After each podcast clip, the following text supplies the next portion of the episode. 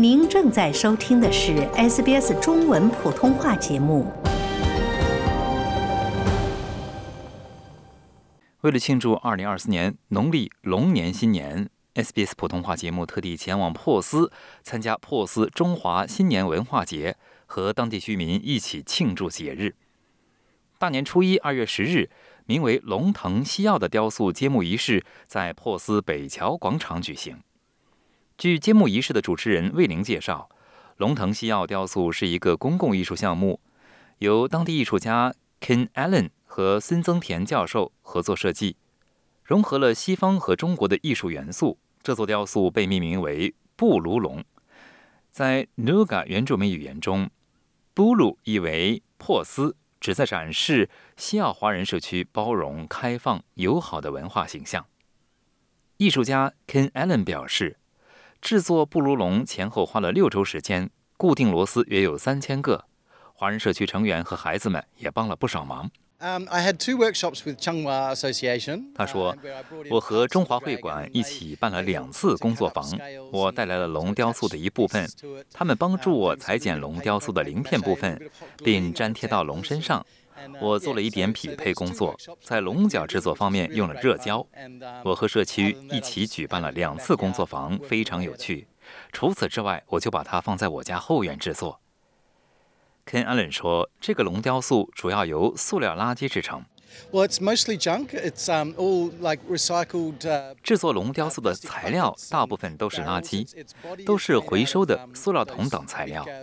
龙雕塑的身体是用那些两百升的蓝色大桶切成环状做成的，所以形状很大。尾部和头部是由塑料油箱制成。这些材料我保存了数年之久，以备不时之需。因为当我看到它的时候，它就像一个巨大野兽的头骨。然后这个项目来了，我说。好的，我有头骨了，我可以做这个。在设计方面，Ken 提到龙腾啸雕塑的特别之处。Well, it's it's related to another dragon, so I did a prototype of a European. 他说，他和另一条龙有关。我做了一个欧式龙的原型，它有翅膀，但仍然看起来像蛇的样子。那是在苏比亚克的一个叫“地球智慧 ”（Earthwise） 的社区花园里。我用了同样的原型设计，但它没有翅膀。中国龙没有翅膀，但有四条腿，而另一条龙没有。这个龙雕塑有四条腿。我和中华会馆一起合作。他们给了我一些建议，告诉我应该包括什么。原因很明显，显然它是由几种不同的动物组成的。中国龙有鲤鱼的鳞片，还有鹿角。我以前没意识到这一点，所以我把所有这些小元素都融入其中了。所以它是想象，它是地球智慧龙雕塑的亲戚。这样，我们珀斯的布鲁龙就成型了。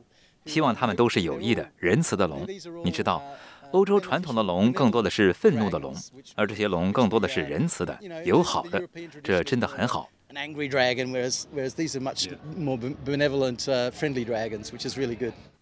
Ken 表示，他很享受龙腾啸雕塑的创作过程。文化交流可以拉近彼此的距离。他说：“我总是在工作坊里创作，这就是我真正喜欢合作形式的文化交流的原因。我认为这才是我们世界民众能够真正携手合作、为和平而努力的方式。工作、交流思想、相互学习，并在视觉艺术、音乐、舞蹈，甚至食品和市场方面发挥创造力。所有这些都是我们应该做的。我们要努力让彼此更加亲近。”尤其是在这个发生各种疯狂事情的年代，让我们继续努力吧。中华会馆秘书长张娟妮表示，今年是中华会馆第十三年主办珀斯中华新年文化节。除了与众不同的布卢龙之外，会馆也有不少其他形象的龙。Well, our organization has many dragons. We have a dragon and 我们会馆有很多龙，有舞龙舞狮队，他们自己也有几条龙，但还有一条很长的龙，曾在我们的巴尔卡塔文化中心。我记得那是捐赠的。我们实际上已经把它捐给了珀斯博物馆，他们为我们修复了它，所以它现在在珀斯博物馆。希望有机会能拿出来给大家看看。西澳中华会馆名誉历史顾问邝彩玲。向 SBS 普通话展示了西澳第一次舞龙的老照片。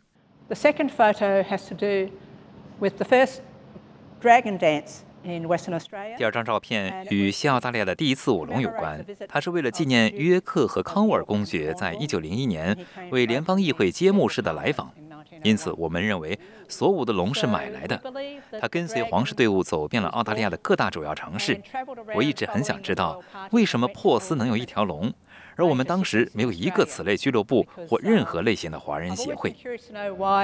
Perth managed to have a dragon when we didn't have a club or any type of association for the Chinese. It was very large. So, 那条龙非常大。有趣的是，当伊丽莎白女王加冕时，还记得1901年的第一次皇室访问，很多人都提到了中国龙。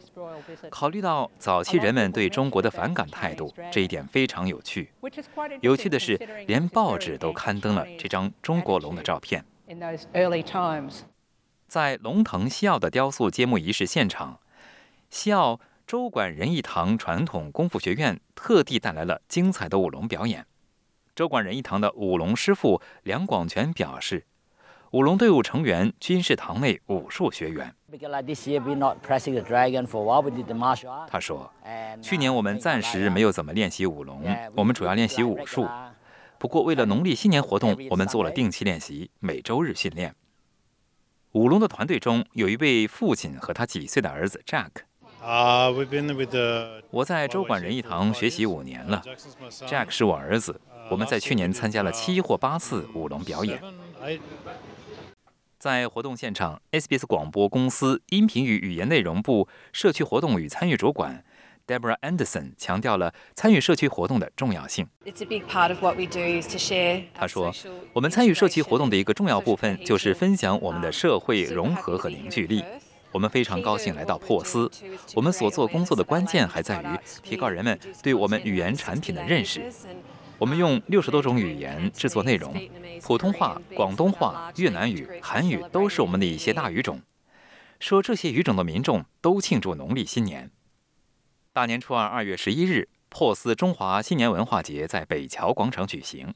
SBS 普通话节目在珀斯社区和当地居民一起庆祝农历龙年新年。庆祝活动一直持续到晚上十点。活动现场处处闪耀着印有 SBS 标志的灯笼。想听到更多这样的故事吗？您可以通过苹果播客、谷歌播客、Spotify。或者您喜爱的方式下载收听。